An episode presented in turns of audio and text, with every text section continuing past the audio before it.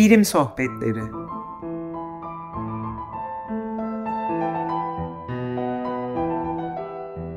Hazırlayan ve sunanlar Ali Alpar, Defne Üçer Şaylan ve Müsemma Sabancıoğlu.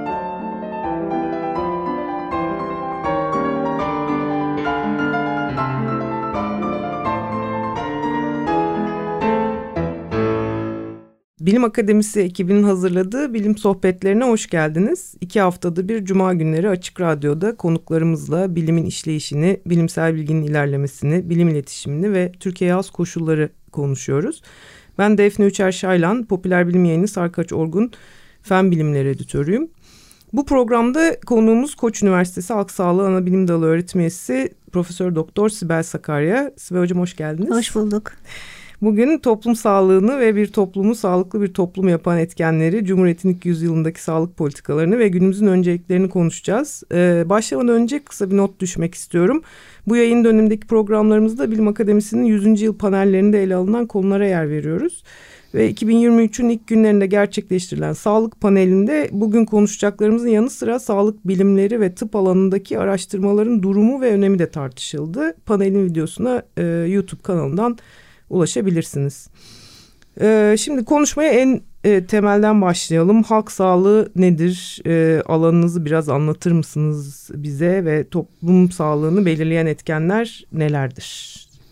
Çok teşekkür ederim e, davetiniz için. Halk sağlığı disiplini e, gerçekten de e, e tıbbın diğer disiplinlerinden, klinik disiplinlerden ya da temel e, temel bilimlerden e, daha farklı bir alan.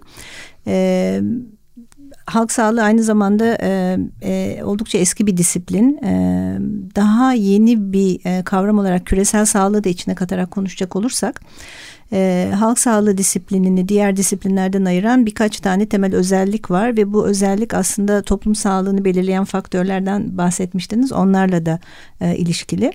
Ee, öncelikle halk sağlığı disiplini sağlığı toplumsal düzeyde ele alıyor. Bireysel düzeyden ziyade toplumsal düzeyde ele alıyor. Bir başka en e, çok önemli e, yönü halk sağlığı disiplini sağlığın korunmasına ve geliştirilmesine odaklı. Yani hastalıklardan çok sağlığın e, korunmasına ve geliştirilmesine odaklı.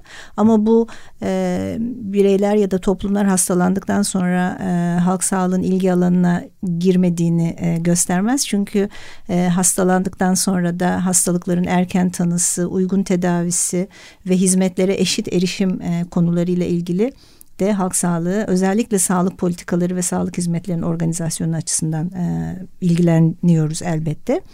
E, dediğim gibi toplumsal düzeyde ele alıyor halk sağlığı korumaya odaklı bir başka halk sağlığının ve yine küresel sağlığında e, önemli farklılıklarından bir tanesi daha çok e, kırılgan ya da dezavantajlı gruplar dediğimiz savunmasız gruplar dediğimiz yoksullar başta olmak üzere e, gerçekten kaynaklara erişim her türlü kaynağa erişim açısından daha dezavantajlı olan gruplara odaklanan dolayısıyla eşitsizliklere sağlıktaki eşitsizliklere odaklanan sağlıktaki eşitsizliklerin kaynağı kaynağını anlamaya, bu e, eşitsizlikleri e, yok etmek için, azaltmak için neler yapılması gerektiğini e, araştırmalarla anlamaya çalışan ve böylece toplum sağlığını geliştiren politikalar yapabilmek için veri elde etmeye çalışan bir alan.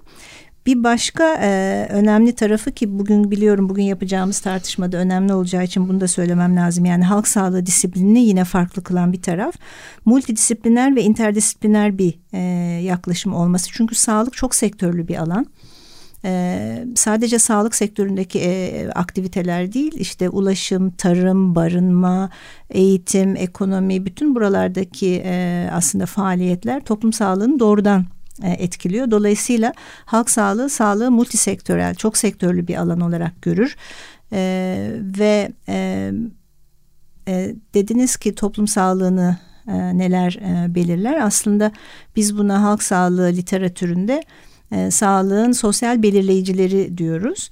Yani e, tıbbi olmayan e, nedenler, toplum sağlığını belirleyen nedenler. Yani nasıl tıbbi olmayan nedenler, medikal nedenler diye düşündüğümüzde belki belki aklımıza işte genetik yükümüz, yaş, cinsiyet gibi faktörler e, gelir ve bunlar da önemlidir ama toplum sağlığını daha büyük ölçüde belirleyen faktörler aslında e, nerede yaşadığımız, e, barınma koşullarımız, havanın kalitesi, suyun kalitesi, iş yaşamından kaynaklanan sorunlar, ulaşım, eğitim, e, erken çocukluk döneminde karşılaştığımız e, riskler ya da bunu pozitif e, pozitif konular olarak da düşünebiliriz tabii.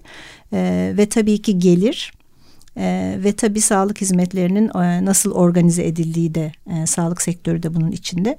Bütün bunlar e, toplum sağlığını belirleyen etkenler. Yani halk sağlığı e, bunları e, yani nedenlerin nedenleri dediğimiz toplumları hastalandıran nedenlerin kökenlerine inmeye e, önem Çok veren güzel. ve e, yani sistemle ve yapısal faktörlere odaklanan bir alan.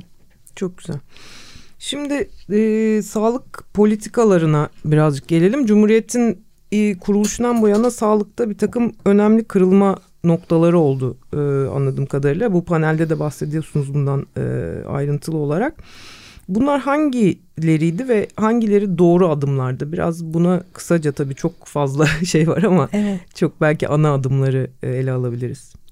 Evet, e, onu panelde de konuşmuştuk. Yani Cumhuriyet'in ilk yüzyılında toplum sağlığını e, etkilemesi açısından bazı önemli e, kanunlar ya da kararlar var öyle söyleyelim. Hı.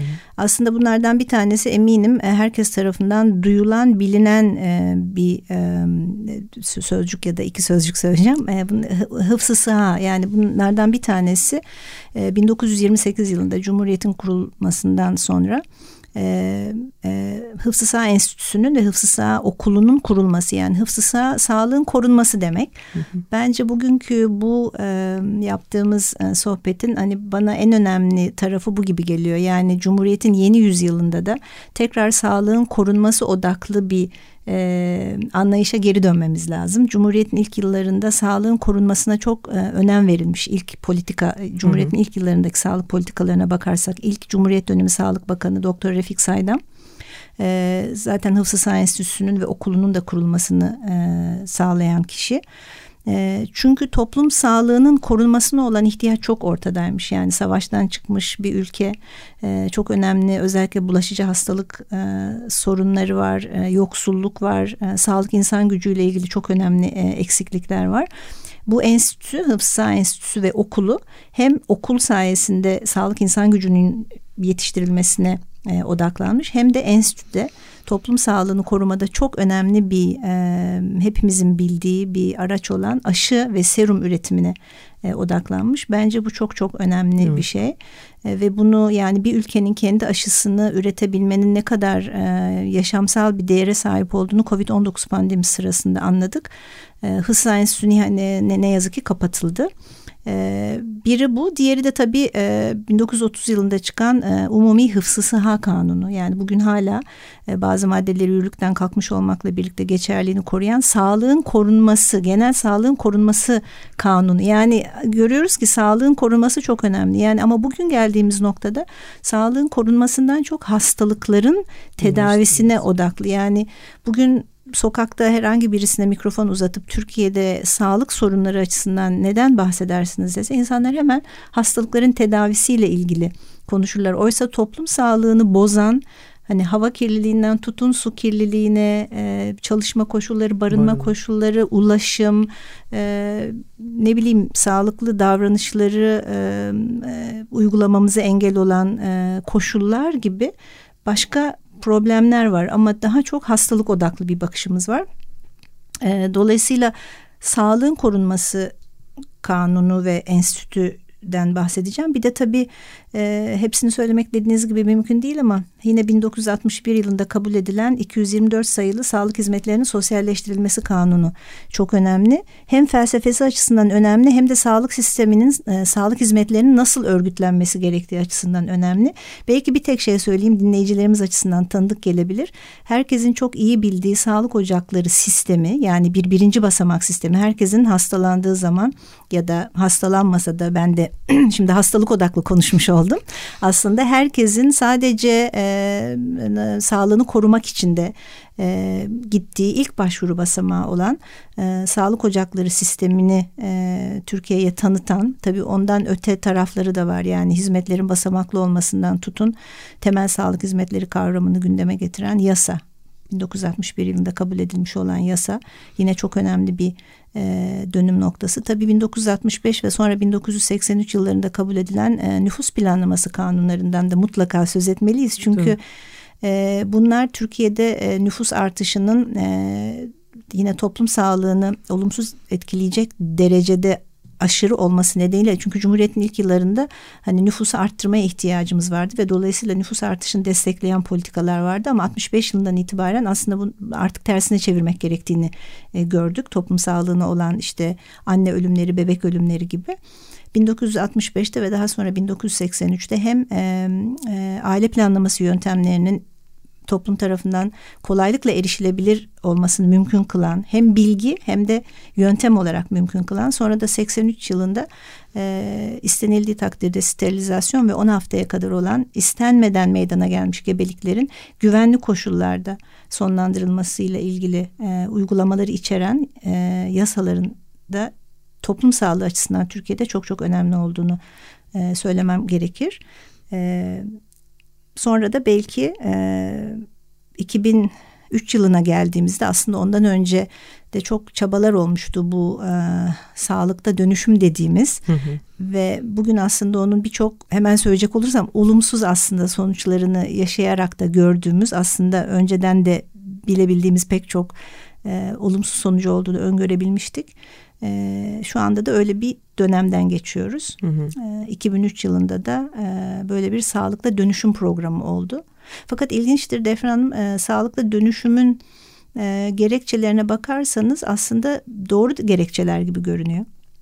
Evet onlar çok ilginç. Evet. Onlara değinelim. Yani mesela vurgulanan şeyler o dönüşüm e, sırasında. Bir tanesi veri sanırım. Evet yani e, Şimdi hemen bakıyorum yani e, bu basamaklı e, sistem çok önemli. Yani çağdaş e, sağlık anlayışında hizmetlerin basamaklı olması çok önemli. Yani önce birinci basamak. Hı hı. E, bu birinci basamakta e, kişinin sağlığına bütüncül bakabilmek mümkün ve aynı zamanda bir e, yani süreklilik ilişkisi de olduğu için çünkü e, yani sağlık hizmeti sunanla alan sürekli birbirini gördüğü için e, bir süreklilik hizmetlerin sürekliliği çok önemli bir şey yani sağlık bakımında. Karşılıklı birbirini tanıma birbirinin hani huyunu suyunu alışkanlıklarını bilme gibi e, basamaklı sağlık hizmetleri e, çok önemli. İşte bu 2003 yılındaki sağlıkla dönüşümün Mesela gerekçelerinden bir tanesi Türkiye'de e, basamaklı sistemin iyi işlememesi ve bunun güçlendirilmesi dolayısıyla işte yani birinci basamak sağlık sisteminin güçlendirilmesi ve bu amaçla aile hekiminin sağlık ocağı sisteminden aile hekimliği sistemine geçilmesi gibi. E, işte yüksek motivasyonla çalışan, e, motivasyonu yüksek e, e, sağlık personelinin sayısının arttırılması gibi bir argüman var ki bugün geldiğimiz noktada Türkiye Cumhuriyeti tarihin en büyük e, ne yazık ki e, sağlık çalışanı göçü e, nü yaşıyoruz. E, insanlar gitmek istiyorlar e, buradan. Yani yüksek motivasyon ne yazık ki sağlanamamış. durumda. Tam tersi e, önemli bir şiddet sorunu var etkili kademeli sevk zinciri, sistemi destekleyecek eğitim ve bilim kurumları, güçlendirilmiş temel sağlık hizmetleri ve e, iyi bir e, bilgiye dayalı, kanıta dayalı politikalar gibi bir takım argümanları var. E, ama gelinen noktada e, bunların gerçekleşememiş olduğunu görüyoruz. Hatta tersine e, olan da pek çok e, kanıt var. Belki onlardan da konuşuruz. Evet şimdi bir e, kısa ara verelim. Bir de tütün ondan önce bir tütün evet. meselesi var. O da galiba Türk Cumhuriyet tarihinde önemli bir e, adım aslında. Başarılı da bir adım. Evet, e, evet burada sıralamadığım e, şeylerden hani e, önemli e, adımlardan bir tanesi. Evet, e, yani kapalı alanlarda tütün kullanımının e, yasaklanmasına dair tabii çünkü e, yani sağlığın korunması anlamında tabii ki kişilerin e, kendi sağlığını koruması önemli. Yani dolayısıyla doğru bilgiye erişmesi işte tütünden neden uzak durması gerektiğini bilmesi önemli ama e, bu yasadan önce siz e, tütün mamülü kullanmasanız bile kapalı ortamlarda başkalarının kullandığı tütünden ötürü yani pasif e, bir şekilde yine tütünün zararlarıyla karşı karşıya kalabiliyordunuz. Dolayısıyla bu yine toplum sağlığının korunması açısından önemli bir e, öyle diyeyim yani toplumun korunmasına yönelik önemli bir kanun. E, ama bunun çıkması kadar tabii bunun toplum tarafından anlaşılması, kabul edilmesi, uygulanması ve denetlenmesi de önemli. Geldiğimiz noktada bununla ilgili de önemli sorunlar e, olduğunu söylemem lazım ne yazık ki. Evet oraya da e, konuşuruz. Şimdi kısa bir ara verelim, bir müzik arası verelim. E, konuğumuzun seçtiği bir parça dinleyeceğiz. İbrahim Maluf'tan True Sorry. Bilim sohbetlerinde sağlık politikalarını konuşmaya devam ediyoruz. Konuğumuz e, Sibel Sakarya ile. Şimdi de, önceki bölümde de birazcık konuştuk. E, ilk yüzyılda, Cumhuriyet'in ilk yüzyılında atılmış bir takım adımlardan bahsettik. İşte en sonda e, sağlıktaki dönüşüm, 2003'teki büyük dönüşüm e, atılımlarından bahsettik e, buradaki sonuçları kısaca değerlendiriyorduk. Ona e, devam edelim. E, basamaklı şey aile hekimliği mesela e, çalışıyor mu? Ne kadar çalışıyor?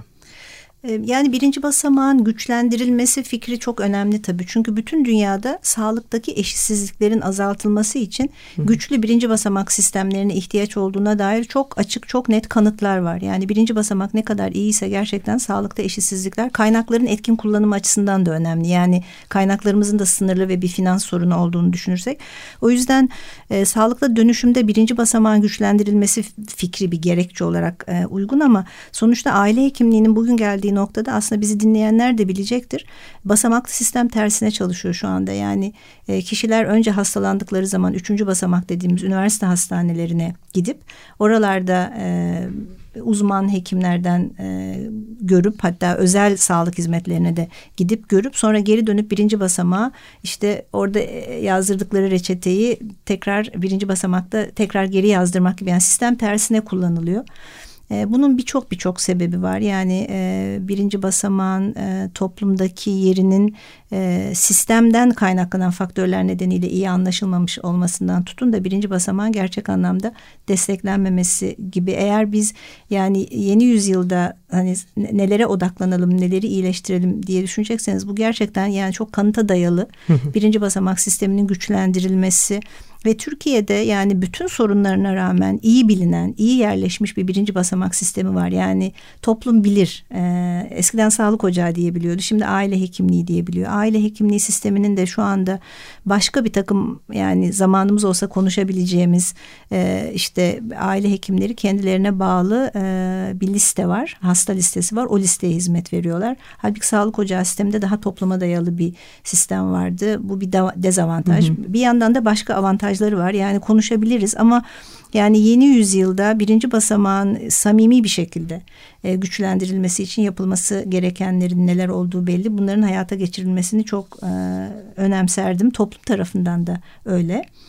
Tabii burada aşılar vesaire bütün e, koruyucu sağlıkla ilgili şeyler olacağı için bu afetlere karşı da bizi daha şey yapacak herhalde. Bu da önemli e, bir nokta belki değil mi? E, ya kesinlikle afetler yani te tekrar peki başa dönecek olursak çok sektörlü sağlıktan Heh, söz etmiştik. Evet. Yani afetlerin e, bu kadar olumsuz sonuçlara sebep olmasının sebebi sağlık açısından olumsuz. Yani insan, hayvan, çevre, ekosistem herkes açısından işte örneğin yapılaşmayla ilgili politikaların yanlışlığı e, sonunda böyle bir afetin bu kadar olumsuz, bu kadar büyük e, sonuç sonuçları olabildi. Yani çok sayıda e, insanı, hayvanı ve çevreyi daha iyi koruyabilecekken örneğin. Dolayısıyla koruma çok çok e, öncelikli ve bu korumayı her sektörde sağlığa yapılacak e, yapacak olacak etkilerini dikkate alarak hı hı. E, düşünmemiz ve bütün sektörlerde sağlığı öncelememiz gerekir sektörler ve bütün canlılar evet, ve tek sağlık kavramıyla evet. belki bitirelim çok zamanımız evet, kalmadı evet, ama yani insan, olur. hayvan, bitki ve bütün ekosistem arasında çok sıkı bir ilişki olduğu, birbirimizin sağlığına birbirine ihtiyacı olduğunu düşünerek e, politik kararların alınması e, ve bunun araştırmada, eğitimde her yerde aynı mantığın e, uygulana uygulanabilmesini sağlamamız gerekir. Çok güzel bence harika bitiş oldu. Bilim sohbetleri e, bugün burada sona eriyor. Bu yayın dönemindeki diğer programlarda da konuklarımızla ekonomi, tarım, siyaset, hukuk, eğitim gibi konuları ele alacağız. E, iki hafta sonra görüşmek üzere. Hoşçakalın. Hoşçakalın Sibel Hocam. Çok teşekkürler Defne Hanım.